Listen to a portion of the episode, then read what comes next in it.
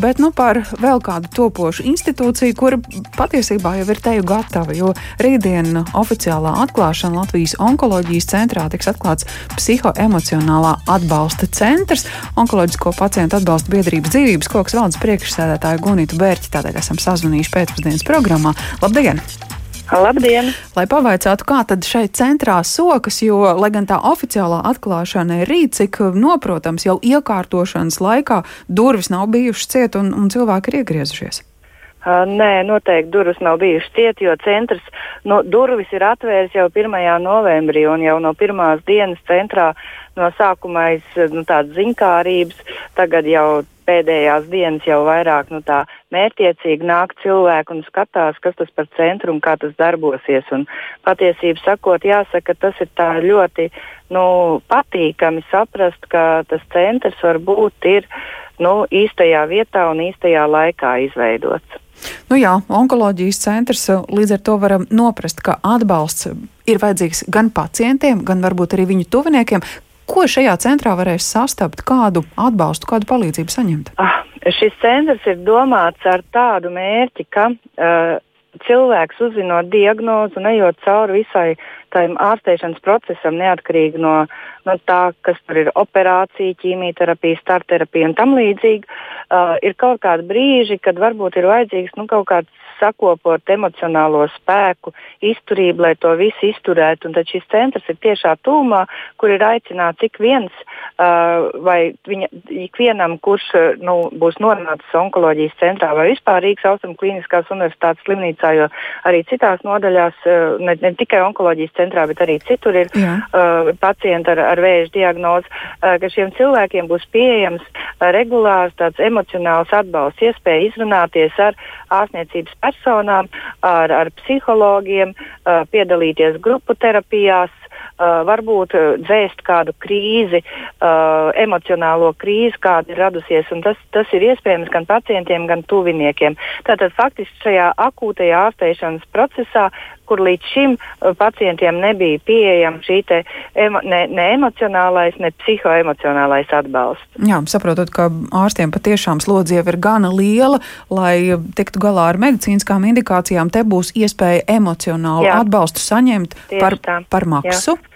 Nē, tas ir, tas ir eh, Rīgas Austrum Kliniskās universitātes izveidots centrs, universitātes slimnīca izveidots centrs, un dzīvības koks mēs esam tādi kā šī centra darbinieku, nu, menedžeri vai vadītāji, ņemot vērā mūsu pieredzi, ka šo psihosociālo rehabilitāciju pēc akūtās ārstēšanas mēs jau faktiski desmit gadus veidojam dažādas programmas, kur mēs esam iesaistījuši labākos Latvijas speciālistus un ieinteresētākos vispār izsināt šo problēmu. Līdz ar to mēs arī tur esam ar, ar saviem speciālistiem, kas, kas veids to darbu, lai, lai pacientam un viņa tuviniekiem nu, palīdzētu kaut kā tikt pāri pēc iespējas labāk nu, tam pārbaudījumam, kas dzīvē ir nācis priekšā. Būsi tur augu diennakti, nē, taču?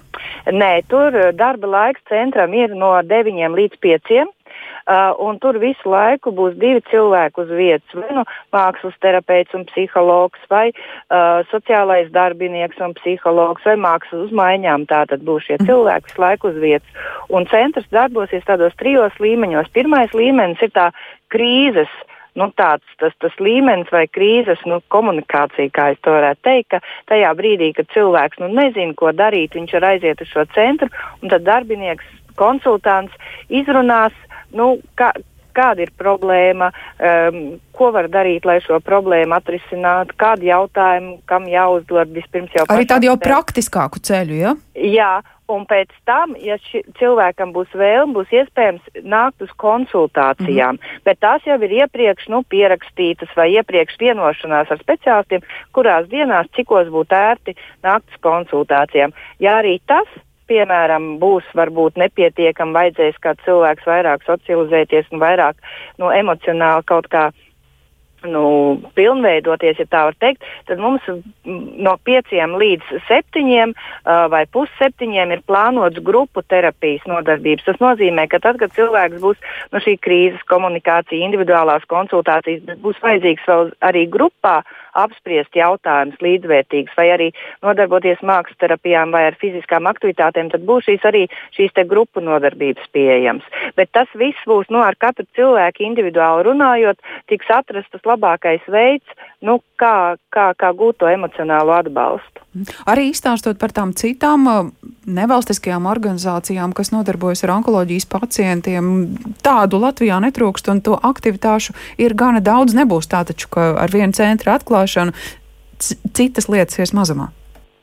Nē, noteikti, ka nē. Es domāju, ka uh, šis centrs vispār ir pirmais solis. Es domāju, ka tādiem centriem, nu, tādiem psihoemocionāliem atbalsta centriem ir jābūt arī citās vietās, tur, kur ir onkoloģiskās klīnikas. Nu, šobrīd Latvijā nu, mums ir četrās vietās, kur, Jā. kur tas ir un kur tas būtu nepieciešams. Tas būtu pirmais solis. Bet ko es gribu teikt, ka Uh, šobrīd arī pieredze rāda, ka arī ārstiem ir vajadzīgs šis psihoemocionālais mm. atbalsts, jo uh, viens, protams, ir pacients un, un pacienta pārdzīvojums, bet uh, šajā visā uh, nu, nevieglajā, es teiktu, ļoti tajā skarbajā profesijā vai nozarē, kāda ir onkoloģija, arī ārstiem ir nepieciešams šis te psihoemocionālais atbalsts, un arī par to tiek domāts, ka varētu no nākamā gada būt arī šis centrs paplašināties un piesaistīt speciālistus, kas strādā arī ar ārstiem. Tādējādi vispār nu, veidojot to, to vidi tai, tai, tai centrā pašā nu, tādu pacientam un ārstam draudzīgāku. Nu, lai izdodas! Paldies par šo stāstījumu. Saka Gunētāja Berķē, onkoloģisko pacientu atbalsta biedrības dzīvības koks valdes priekšsēdētāji bija sazvanījuši, lai mazliet vairāk uzzinātu par pseh psihoemocionālā atbalsta centru, kurš no rītdienas jau pavisam oficiāli savu darbu sāka Rīgas Austrum Klinikas Universitātē.